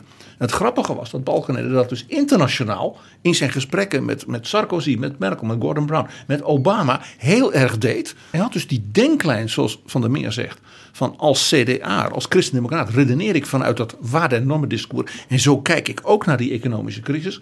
Dat had hij moeten brengen. En dan zien we ook daarin het, het, het grote verschil tussen wat, wat Rutte in 2009, 2010 wist te doen en wat het CDA daarna deed, heel sterk terugkomen. Toen Rutte in een verkiezingsdebat in 2010 werd geconfronteerd met Wilders, begon Wilders over uh, migratie uit, uh, uh, uit landen als Marokko, islamitische migranten, dat we niet meer aan zouden kunnen. Toen zei Rutte, meneer Wilders, het gaat er niet om of die migranten nou uit Marokko komen of uit de Antillen of uit België. Het gaat erom dat we geen kansarme migranten meer aankunnen. Ja. En daarmee maakte hij van dat culturele thema een economisch thema, wat in zijn voordeel werkt en wat de partij wist te binden. Als we omgekeerd kijken, en dat waren dus ook zijn eigen thema's. Ja, en Rutte zei ook nog, het gaat niet om je afkomst, maar om je toekomst. Precies, maar ook dat is weer een economisch frame gedacht. En als we de vergelijking trekken met wat het CDA in de periode daarna heeft gedaan, is verkiezing na verkiezing ging het CDA campagne voeren met uh, thema's als een, een liberalere economie, bijvoorbeeld met vlaktax, of een beetje aanschurken tegen uh, PVV-ideeën rond migratie en multiculturalisme. Dus ze gingen campagne voeren met thema's die van andere partijen zijn. Economie, multiculturele samenleving. En in 2021 kwam ook nog eens een keer daar veiligheid heel erg sterk bij. Wat dan eigenlijk gebeurt, is het CDA geeft aan in de verkiezingscampagne... jongens, de thema's waar het om gaat... Let Zitten goed op, bij een ander. zijn economie en veiligheid. En wat doen kiezers dan? Oh, ja, als iedereen het erover eens is dat het om economie en veiligheid gaat... ja, dan moet ik bij het aanmerk zijn. En dat is de VVD. Dat was precies zo bij de afgelopen verkiezingen. Hè? Want Wopke Hoekstra die had het over economie en over veiligheid. Exact. Dan moet je niet gek staan te kijken dat, dat, dat als, als volgens jou dat de belangrijkste thema's zijn... en je communiceert naar iedereen, dit is waar het om gaat... dat burgers dan gaan kiezen voor de partij die daar de eigenaar van is... en toch al heel erg inwisselbaar is op die thema's, inhoudelijk gezien... met bijvoorbeeld het CDA. Dus eigenlijk, dus wat bijvoorbeeld nu mevrouw Marijnissen weer doet, of net als haar vader lang geleden, namelijk de migratie en de effecten daarvan als een economisch punt van zorg, uh, daar moet je toch wat aan doen en zo agenderen. Daarmee helpt mevrouw Marijnissen dus eigenlijk de thema-eigenaar op dat punt. En dat is de PVV. Ja, dat is het grote risico. We hebben in uh, Nederland een, een, gat in ons partijlandschap. Dat, dat noemen we in links-conservatieve hoek. Dus economisch links, uitvoerige welvaartsstaat. Maar conservatief op die culturele thema's rond Europese Unie, uh, multiculturele samenleving. Daar zit een gat. Dus we hebben een partij die uitgesproken tegen de multiculturele samenleving is, de PVV. Maar die is op economische thema's ontzettend ambivalent. Ja. En elke maar keer als ze, elke maar, als Mark Rutte zegt zelfs altijd, uh, de laatste jaren... PVV is een hartstikke linkse partij. Ja, maar dat komt hem uit. Dat, dat, dat is retoriek. Als we kijken naar, naar stemgedrag, als we kijken naar het partijprogramma, is de partij ambivalent. En dat is ook wel logisch. Het begon als een, een liberale partij. En elke keer als de partij probeerde naar links te schuiven, hadden ze te maken met afsplitsingen aan hun eigen rechterkant. De SP zat in de jaren 90 wel in die hoek, maar is toen weggeschoven uit die hoek. En op het moment dat het relevant, een relevant thema werd, die culturele thematiek, zaten ze daar niet meer. En als zij proberen terug te schuiven, hebben ze hetzelfde risico. Dus dat, dat is een gat in ons partijstelsel. Dus, dus Lilian. Marijnissen lijkt een beetje op Sibrand Buma. Dat, we- de- de- ik zou die vergelijking sowieso niet zo snel maken. Nee, maar in, in die beweging van je zit een betoog te houden waarbij je dus de kiezer een ander aanbeveelt en niet jezelf. Ja, ik denk dat de, eh, bij de SP is het net een ander verhaal, want die willen gaan inzetten op de combinatie. Ze willen ingezet op de combinatie van links en conservatief. Terwijl eh, het CDA dat niet deed, het CDA van Buma, die had geen alternatief te bieden qua positionering ten opzichte van de grote rivalen VVD en PVV. Maar, maar wacht dus even. dat was veel meer een kopie. Is die, is die combinatie links en conservatief, die de, waar de SP dus mee flirt, is dat niet juist dat gat wat u signaleert? Ja, dat is dat gat. Maar ik denk ook dat Dus het heel de- moeilijk als de is. SP het slim aanpakt, dan zouden ze daar winst kunnen maken. Ja, Uh, in theorie wel. We zien in de praktijk dat uh, het voor bestaande partijen heel moeilijk is om die verschuiving te maken. Er is mooi onderzoek geweest, internationaal onderzoek ook. Dat laat zien dat, dat wanneer partijen die kant op bewegen, dat ze daar niet noodzakelijk mee winnen. Uh, in Denemarken is het bijvoorbeeld geprobeerd door de Sociaaldemocraten, die zijn die hoek ingekropen. Ja, die hebben zelf niet gewonnen, maar het linkerblok als geheel weer wel. Dus het, het, is niet duidelijk dat het voor de partij zelf noodzakelijk een ideale Je- oplossing is. Jezelf heruitvinden naar iets wat je eigenlijk niet was. Ja, is het- voor kiezers natuurlijk vooral verwarrend. Nou, het kan een deel van de kiezers van je gaan vervreemden. De- Het deel van de kiezers dat niet om die reden op jou stemde. Ja, nou, nou hebben eh, PG eh, eh, en ik die hebben het er eh, wel eens over, ook in betrouwbare bronnen. Eh, als we kijken naar die grote oude stromingen, de Christendemocraten en de Sociaaldemocraten, voor een deel sterven ze uit. Eh, en als de Partij van de Arbeid het goed doet bij de Europese verkiezingen met Frans Timmermans, dan heeft dat er ook mee te maken dat vooral veel ouderen nog daar gaan stemmen bij de Europese verkiezingen en jongeren minder. Zegt u toch, als ze de juiste thema's vinden, dan kunnen ze ook weer groot worden? Ja, dat eh, denk ik zeker. Ik, ik geloof dus ook niet in, in, in die voorspellingen van, van sterfhuisconstructies voor die politieke partijen. Het grote probleem voor die partijen is, ze zijn gewoon een van de zeven, misschien acht middelgrote partijen geworden. En ze moeten zich daarnaar voegen. En dat, dat gaat gevolgen hebben voor, voor hun strategie. Maar de klassieke achterban van bijvoorbeeld het CDA, dat geldt ook voor de Partij van de Arbeid, heeft natuurlijk in Nederland hetzelfde patroon wat we in Duitsland zien. Alleen in Duitsland worden die cijfers wel altijd heel goed meegeteld en geanalyseerd bij verkiezingen en peilingen. Dat soort in Nederland niet. Dat is dat grote aantallen van hun kiezers zijn loyale kiezers van boven de 70, boven de 80. Dat laatste zijn vooral vrouwen. En ja, je kunt deze loyale kiezers niet verwijten dat ze of ja, dement worden of gewoon doodgaan. En dat zijn natuurlijk toch grote aantallen in Duitsland bij de laatste verkiezingen. Eh, De CDU verloor ruim anderhalf miljoen kiezers aan het kerkhof. En iets van 1,8, 1,7 aan de SPD. Dus het grootste in Nederland nooit meegetelde, nooit zichtbaar gemaakte verlies ongeveer zat eh, ja, bij eigen kiezers die niet naar iets anders gingen. Ja, die gingen naar onze lieve Heer. En dat is iets wat we in Nederland toch ook zien. Ja, maar dat, dat is eh, eh, het probleem verkennen vanuit één specifieke hoek. Namelijk. De demografische balans van kiezers. Ja, maar die demografische balans heeft twee kanten. Dus je hebt eh, het, het, het wegvallen van kiezers, omdat ze eh, niet meer in staat zijn om te stemmen. en die kun je ook niet meer terughalen vier jaar Maar, later. maar de andere kant is de, de, de instroom van kiezers, van jonge kiezers die er weer bij komen. En dat- zijn ook echt hele grote aantallen die, die dat zouden kunnen. En nog een derde groep, de, de mensen die de vorige keer niet gingen stemmen. En die misschien te mobiliseren zouden zijn. Want ik neem aan dat u nu onderzoek ook bekijkt naar die mensen die niet gingen stemmen. Dat zijn niet dezelfde mensen als vier jaar geleden of laat staan Nee, twintig dat, jaar dat, dat, geleden. dat verschilt. Dat zijn de afgelopen keer waren dat vooral de, de PVV'ers en de SP-kiezers, de potentiële PVV en SP-kiezers die thuis zijn mensen met dat profiel dus. Exact. Maar belangrijker dan het, het uitsterven is het, eh, het, de, de ontzuiling geweest. Dus dat mensen niet meer standaard volgens die traditionele patronen stemmen. Dus dat de religieuzen niet meer standaard op een christendemocratische partij stemmen. Eh, dat is een veel groter effect geweest voor de ontwikkeling van, van, van deze politieke partijen. Ook voor de PvdA. Ook voor de PvdA. Welke zeg maar, kiezers die zij klassiek hadden, zijn ze nu kwijt? Nou, die- kiezers die zijn dus gaan doorgegroeid. Als je kijkt naar afkomst bijvoorbeeld, zijn, dat, zijn die doorgegroeid naar bijvoorbeeld een middenklasse groep. En die stemmen dus niet meer zo vanzelfsprekend eh, op een, een, een, een PvdA. Waarbij de PvdA overigens ook zelf flink is bewogen. Maar, maar, even ja? bij het CDA te blijven. Het meest intrigerende bij het CDA is dat in eh, 2010 en verder heeft het CDA vooral eh, gelovige kiezers verloren aan niet-gelovige partijen.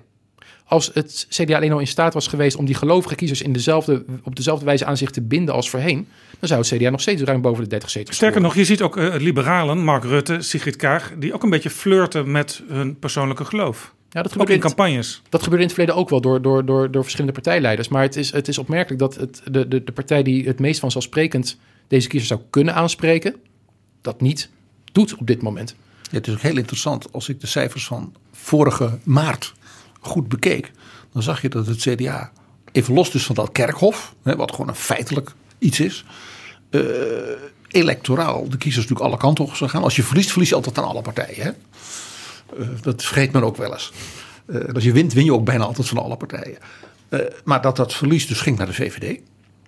Ging naar D66. Ging naar Volt onder de jongeren. En een, stukje ChristenUnie. En dat was het wel. De rest, dat was allemaal heel weinig. De, de- het verhaal dat sommige mensen ook blijkbaar willen houden, dat het CDA enorm verloor aan BBB, is gewoon niet waar.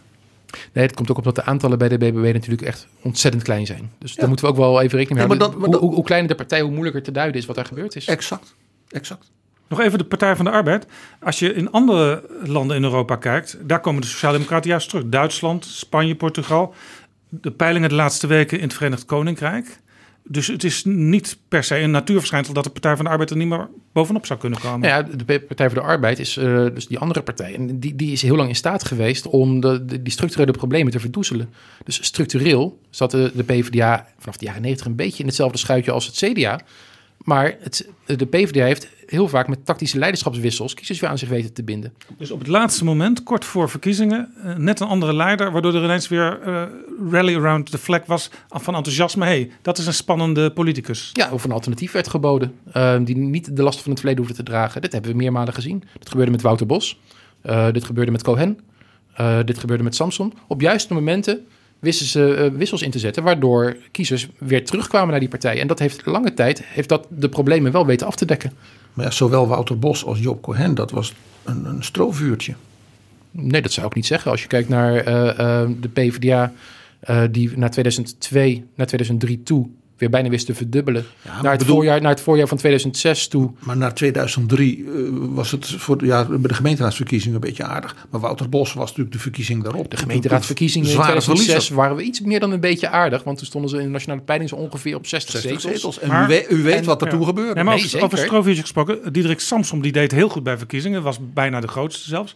Maar kort daarna zakte het in de peilingen in en bij de daadwerkelijke verkiezingen vier jaar later eh, bleek dat ook. Voor de derde Zeker. keer op rij. Bos, Cohen, Samson. Nou, daarom geef ik aan. Op korte termijn hebben ze het elke keer weten te verdoezelen. eh, lange tijd. Waarbij ik ook overigens denk dat, dat omstandigheden er ook toe doen. Denk aan bijvoorbeeld het feit dat Bos niet de grootste werd in 2003. Dat Cohen net aan niet de grootste werd in 2010.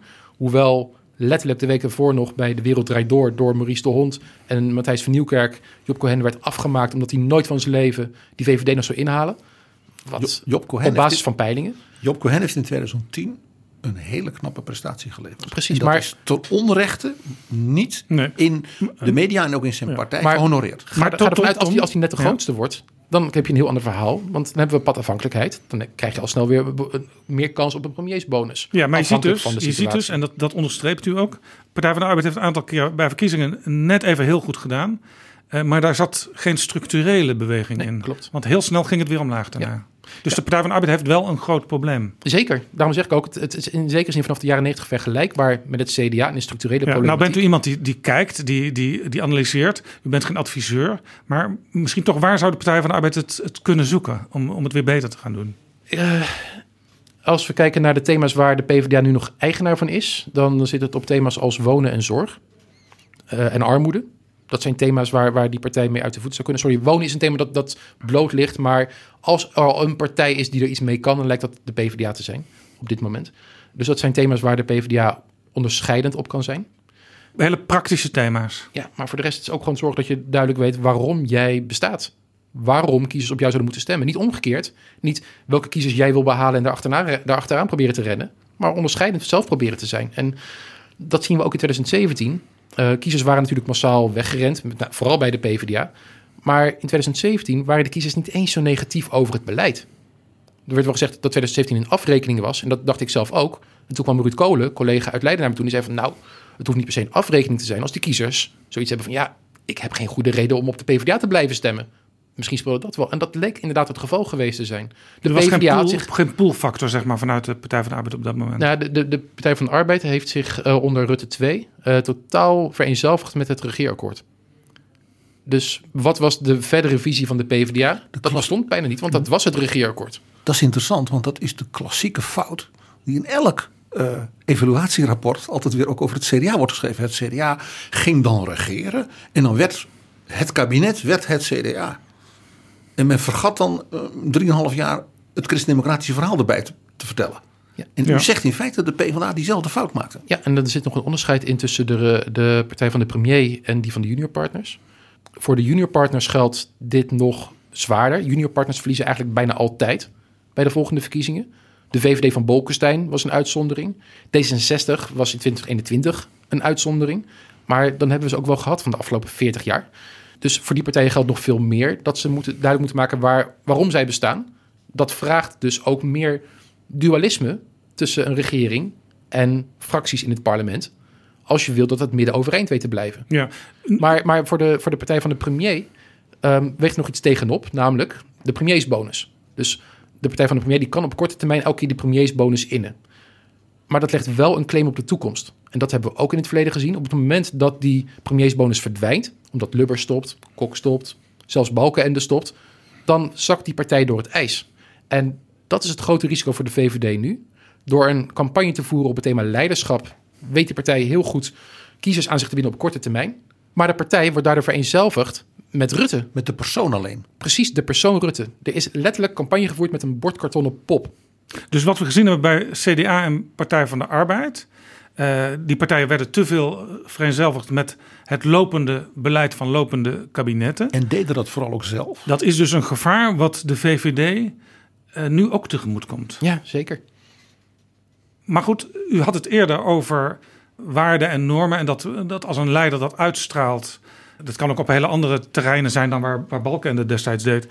eh, dan zijn mensen toch vaak geneigd om zo'n leider daarvoor te belonen. Dus in die zin was het ook wel logisch, zeker ook in eh, coronatijd, dat de VVD Mark Rutte en leiderschap aan elkaar koppelde. Ja, zeker. Ehm, het is eh, voor een partij die op korte termijn winsten boeken heel vanzelfsprekend dat je dat je dat je En het was misschien ook wel uitspeelt. logisch dat eh, Sigrid Kaag nieuw leiderschap beloofde als alternatief. En beide hebben ze de verkiezingen gewonnen. In de zin, VVD grootste partij, D66 wat gestegen. Ja. Maar de, had, V- was de uitslag voor de VVD in dat opzicht niet gewoon een slechte uitslag? De VVD wint een restzeteltje, verliest dik in zijn klassieke eh, zeg maar, burchten, de Wassenaars en dergelijke, eh, eh, en boven de rivier. De VVD deed het door de voortgaande verlaten ontzuiling zeg maar, in zuidelijk katholiek Nederland daar wat beter. En daardoor bleven ze ongeveer op wat ze hadden. Vergeleken bij bijvoorbeeld die peilingen hè, dat van de rally round the flag periode had de VVD helemaal geen goede uitslag. Nou, vergeleken met eh, een, een- week voordat corona in Nederland uitbrak, was de uitslag ontzettend goed. Vergeleken met de uitslag die eh, Lubbers bij zijn eh, laatste verkiezing meemaakte, of die Balkende bij zijn laatste verkiezing meemaakte, weet de VVD heel goed overeind te blijven. Kijk, het is niet alsof je premiersbonus op premiersbonus op premiersbonus gaat stapelen. Ah, dus dat is het. Het, het- je hebt die bonus en die probeer je vast te houden. Dat, dat is gelukt. Maar ze zaten natuurlijk wel in een lange termijn trend. Die voor hen, omdat die ready uitwerkte, neergaand was. In die zin kan je zeggen, ja, timing is heel belangrijk geweest voor de VVD. Wa- Waar die verkiezingen een poosje later geweest, hadden ze het minder makkelijk vastgehouden. D66 is net een ander verhaal. Ik denk dat D66 een partij is geweest die, ehm, toen ze begonnen met regeren in 2017, heel snel aan profiel verloren. Pechtold zou ook gezegd hebben dat we onze pijn niet gaan laten zien. We zien het ook in, in, in wetgeving, bijvoorbeeld rond eh, het referendum. Eh, dat, dat werd afgeschaft. Ja, Ehm, Pech- Pechtold die, die zei dus in feite daarmee...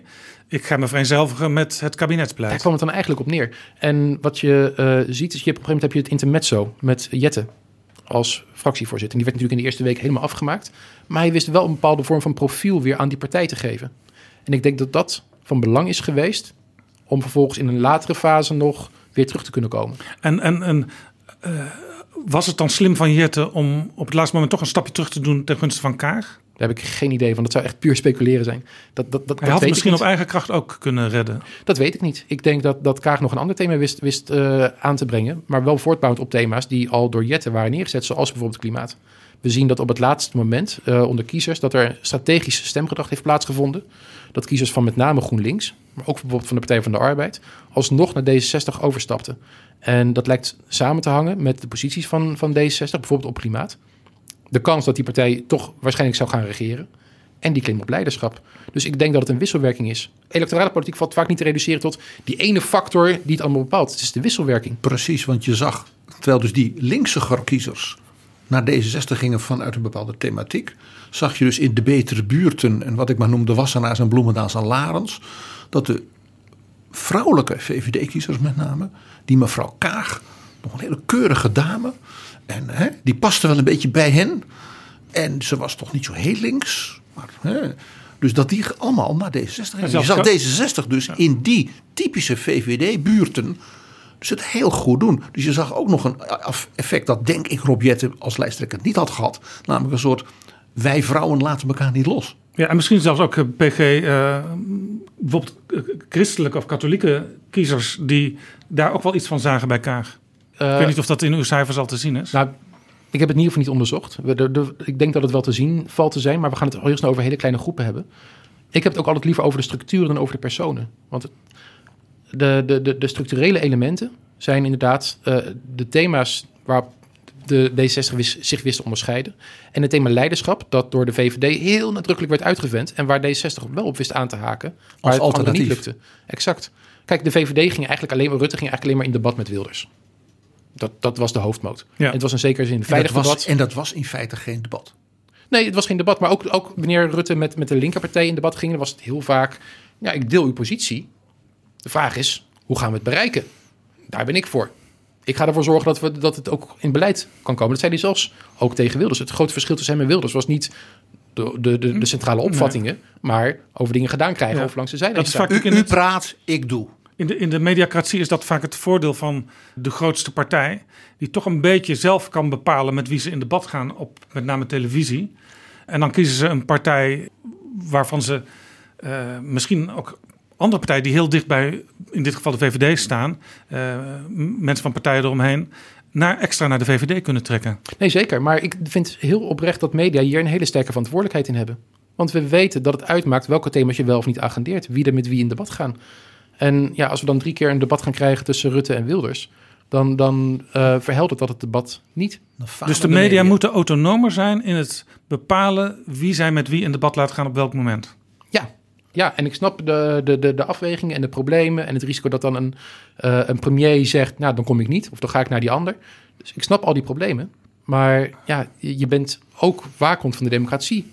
Al dan niet zelf benoemd. Ja. Dus daar moet je ook naar gedragen. Nog even naar D66. U zei net dat, mede dankzij Rob die partij ook heel erg met klimaat werd vereenzelvigd. Maar dat was toch altijd het typische punt wat aan GroenLinks gekleefd werd? Nog steeds. Klimaat.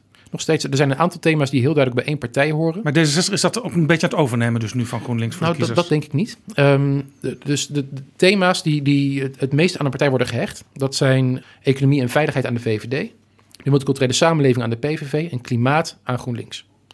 Maar omdat D66 zich wist te profileren hierop en ook daardoor de VVD voor het beloont, klimaatdrammer enzovoort, kon het zich wel, gegeven dat klimaat niet het hoofdthema was van de verkiezingen, kon het daar wel een onderscheid op maken voor die strategische kiezers, wat een relatief kleine groep is, die twijfelden, wat moet ik nou doen met mijn stem? Maar de- wat, U bedoelt, u bedoelt tactische kiezers, tactical voting. Ja, we noemen het strategisch, maar Oké. Maar wat is dan het typische D66-punt waar kiezers eh, die partij mee associëren? Of kan D66 ook als ze het slim speelt, zoals met klimaat en misschien ook wel met multiculturele samenleving, gewoon ook als ze daar de tweede in zijn, toch daarmee winnen? Nou, D66 wint over het algemeen vooral heel vaak door het logische alternatief te zijn. Voor kiezers die teleurgesteld zijn met hun partij. Maar dat is dus ook gevaarlijk, want dan kun je ook heel snel die kiezers weer kwijt zijn. Ja, dat is het, het, het historische verhaal van D66. Regeren is halveren. Eh, wanneer ze kleur moeten bekennen, dan, dan loop je het risico dat je kiezers kwijtraakt. En daarom is 2021 zo'n uitzonderlijk jaar voor D66.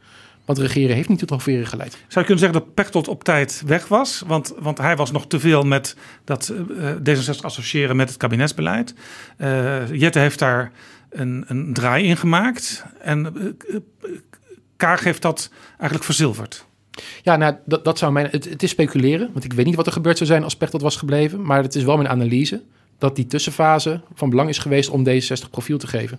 Vanuit iemand die niet gebonden is aan het kabinet. Hoe kan het dat eh, een partij als D66 eh, toch fors stijgt bij deze verkiezingen? En dat tegelijkertijd Volt binnenkwam met drie zetels.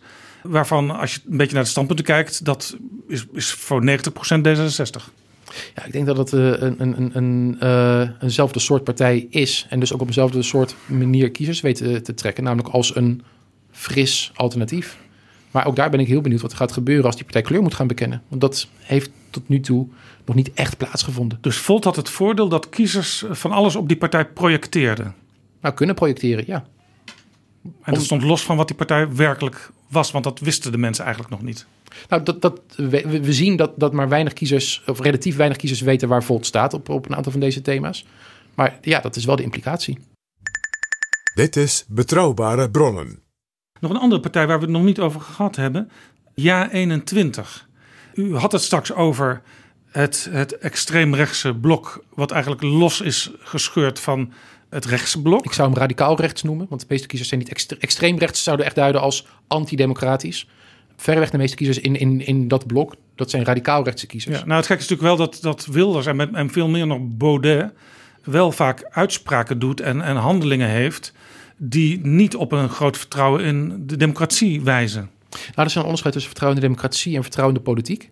Um, en we moeten ook nog een onderscheid maken tussen de, uh, de vertegenwoordigende democratie. Dus van ja, de, de, volksmeerderheid die moet kunnen beslissen. En de liberale democratie met respect voor minderheden. Um, en ik denk dat uh, uh, de partij van, van Baudet, van Forum, die, die zit veel vaker over dat randje ja. dan, dan de PVV. Maar ja. voor de meeste kiezers geldt dat ze de democratie wel degelijk omarmen. Ik doe een kiezersanalyse hierbij. Dus daar is mijn indeling op gebaseerd.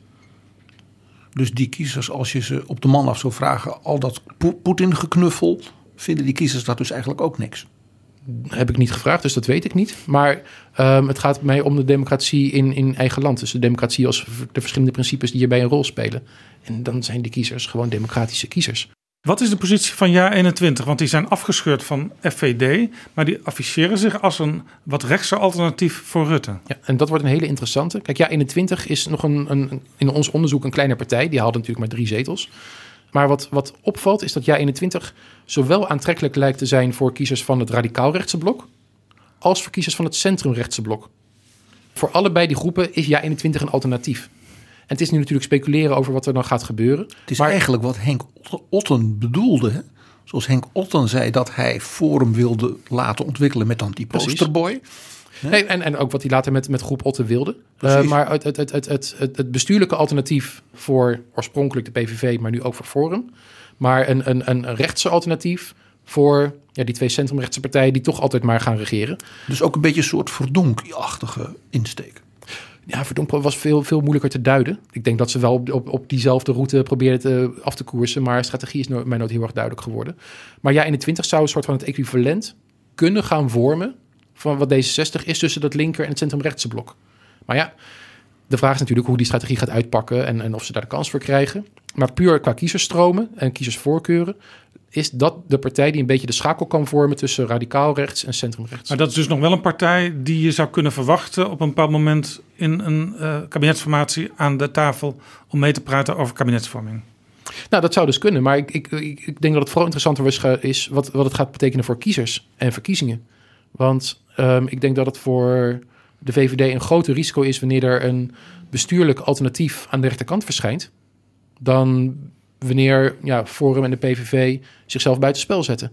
Qua kiezers is daar een grotere uitdaging. Het risico dat de VVD in 2019 zag van de rol die Forum zou kunnen gaan spelen, voordat Forum de eigen glazen herhaaldelijk ingooide. We gaan richting het einde van dit gesprek. U zegt, ja, het vertrouwen van kiezers in het democratische systeem is er wel, is zelfs in Nederland groot vergelijking met veel andere landen. U zegt ook, partijen kunnen zelf werken aan een, een, duidelijker beeld van waar die partij voor staat en dus aantrekkelijk worden voor kiezers. Het nou, is wat u daarbij zegt, wil ik nog even onderstrepen, dat dat dus die partijen vooral zelf moeten doen. Dat ze dat niet van, ik zou maar zeggen, pundits en, en, en motivations en dat soort clubs moeten laten doen, maar kijk nou naar jezelf waar je voor staat. Nou is het zo dat iedereen het in Den Haag heeft over een nieuwe bestuurscultuur, een nieuwe politieke cultuur. Hoe kijkt u naar die discussie? Um, in alle eerlijkheid is het een discussie waar ik me aan erger. Um, niet omdat ik tegen een nieuwe bestuurscultuur zou zijn. Daar ben ik voor, zoals ik ook in mijn boekje heb beschreven. Zoals ook in het rapport van de staatscommissie uh, van Remkes uh, naar voren is gekomen. Maar vooral er wordt gewoon analytisch op geen enkele manier vorm aangegeven. Wat is nieuw? Nou ja, we zitten eigenlijk in dezelfde discussie als de nieuwe politiek die we, waar we het in 2002 en 2003 over Iedereen hebben plakt er weer zijn eigen gedachten op. Precies. Je, je kan het analytisch helemaal uit elkaar trekken. Als we eerst de, de verhouding tussen burger en staat centraal zetten. Wat is die verhouding tussen burger en de staat? Nou ja, ten eerste is er een democratische rol. De burger die ja, als, als medebeslisser een rol moet kunnen spelen. Wat zou dat voor betekenis hebben voor een nieuwe bestuurscultuur? Moeten we meer mogelijkheden bieden voor kiezers om invloed hebben op wie er in het parlement worden verkozen? Bijvoorbeeld meer nadruk op de personenstem. Of een referendum is een manier om daar vorm aan te geven, want dan is de burger een tegenmacht. Je kunt ook denken aan de burger in de rol van onderdaan. Dan hebben we het al vaak over toegang tot het recht, toegang tot de ombudsman. Maar daar wordt ook heel weinig vorm aan gegeven. Of denk aan de burger als cliënt. Cliënt van de uitvoeringsdienst, daar gaat het nu heel vaak op fout. Ja, Ja, dus hoe kan je ervoor zorgen dat die relatie Ja, verbetert? doordat de politiek niet, eh, om te beginnen, een debat voert over wat bedoelen wij eigenlijk met een nieuwe politieke cultuur. En dat in het eh, vage laat, eh, blijft het ook een aanbeeld om op te blijven hameren van er wordt niks gedaan aan de nieuwe bestuurscultuur. En dat wakkert de onvrede uiteindelijk weer extra aan. Nou, ik denk niet dat het de onvrede aanwakkert, want de, de- die, die, die onvrede is, is en, en de tevredenheid zijn behoorlijk robuust in zekere zin. Alleen het wordt, het wordt zo'n loos stokpaardje. En ik verwijt dit niet, dus- ik verwijt dit niet alleen de, de, de politici, maar dit is ook iets wat, wat in media een rol speelt. Hoe vaak hoor je wel niet journalisten met de vraag: is dit nou de nieuwe bestuurscultuur? Wanneer ze gewoon eigenlijk bedoelen te zeggen: ik ben hier niet tevreden mee. Dus dat hameren op die nieuwe bestuurscultuur, ook door de media, is eigenlijk een uiting van heel oude bestuurscultuur. Nou, zolang je er geen invulling aan geeft, eh, is, het, is het in elk geval geen oplossing. En ik heb het nu alleen nog maar gehad over de verhouding tussen burger en de staat. Je kan ook denken aan de verhouding tussen de instituties. Tamelijk moralistisch, maar ik, ik geloof in, erin dat rollen ertoe doen. Welke rol pak je? En ik had net al over de rollen die burgers hebben tegenover de staat en vice versa. Maar ook welke rol willen we nou dat, dat een Tweede Kamer pakt ten opzichte van een regering? Welke rol willen we eh, dat een Eerste Kamer pakt ten opzichte van dat hele systeem enzovoort? Als we vanuit rollen gaan denken en minder vanuit specifieke institutionele designs, dan kom je veel eerder bij een bestuurscultuur uit, waarbij we mensen elkaar kunnen gaan aanspreken niet op een specifieke daad, maar op een rol die ze moeten vervullen. En dat ontbreekt te veel. Mag ik dit gesprek in een paar lijnen samenvatten? Althans, een poging daartoe. Er is nog steeds een groot vertrouwen in het democratische systeem. Het vertrouwen in de politiek is wel kleiner, maar daar kunnen de partijen zelf iets aan doen. Door zich te profileren op duidelijke thema's en door zich te onderscheiden van het kabinetsbeleid, ook als ze zelf deelnemen aan het kabinet. En eh, als partijen het hebben over wij streven naar een nieuwe bestuurscultuur, dan moeten ze eerst definiëren wat ze daarmee bedoelen, want anders blijft het een loze kreet. Mag ik u heel hartelijk danken voor dit gesprek, Tom van der Meer. Tegen de luisteraars zeg ik: lees zijn boek, ook al is het al uit 2017, want eh, wat daarin staat is volgens mij nog steeds geldig. Is het nog steeds ook wel goed verkrijgbaar als ik even naar Ja. de website ga of naar de betere boekhandel, steun de boekhandel in uw buurt?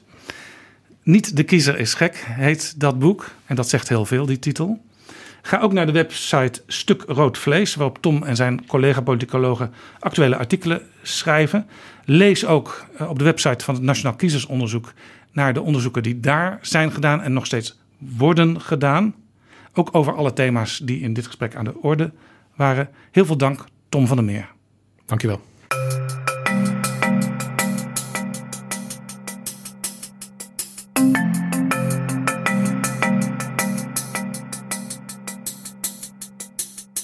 Zo, dit was Betrouwbare Bronnen, aflevering 251. Deze aflevering is mede mogelijk gemaakt door de vrienden van de show. En de vrienden van de show die konden meedingen naar een boek waaraan PG heeft meegeschreven. Seeing Europe anew. En dat boek dat gaat naar vijf vrienden. En ik hoorde PG, je had er nog een aantal extra beschikbaar. Ja, dus Jaap, als er nou nog mensen zijn die het boek graag wilden hebben in hun enthousiaste reacties, maar het nu nog niet hebben kunnen krijgen, dan kun je er zelfs nog wat extra uitdelen. Dan pak ik gewoon weer de aanmelders die er al zijn, want dat zijn er heel veel erbij. En mochten er nog wat extra aanmeldingen binnenkomen via de brief die zij als vriend van de show al gekregen hebben. Maken ze toch nog weer een kans. De winnaars van het boek zijn Roy Rus uit Groningen, Laura Werner uit Terkappelen. Ate Johan Travaille uit Drachten Sanne Kaasjager uit Wijk bij Duurstede. en Nanda Rindelhof uit Rotterdam. Ik wens jullie allemaal veel leesplezier in dit boek. Hoop dat het jullie inspireert ook. En eh, dank voor de belangstelling. En wil jij ook vriend van de show worden? Ga dan naar vriendvandeshow.nl slash bb. Alvast bedankt. En wat ons betreft, tot volgende keer. Betrouwbare bronnen wordt gemaakt door Jaap Jansen in samenwerking met dag en nacht.nl.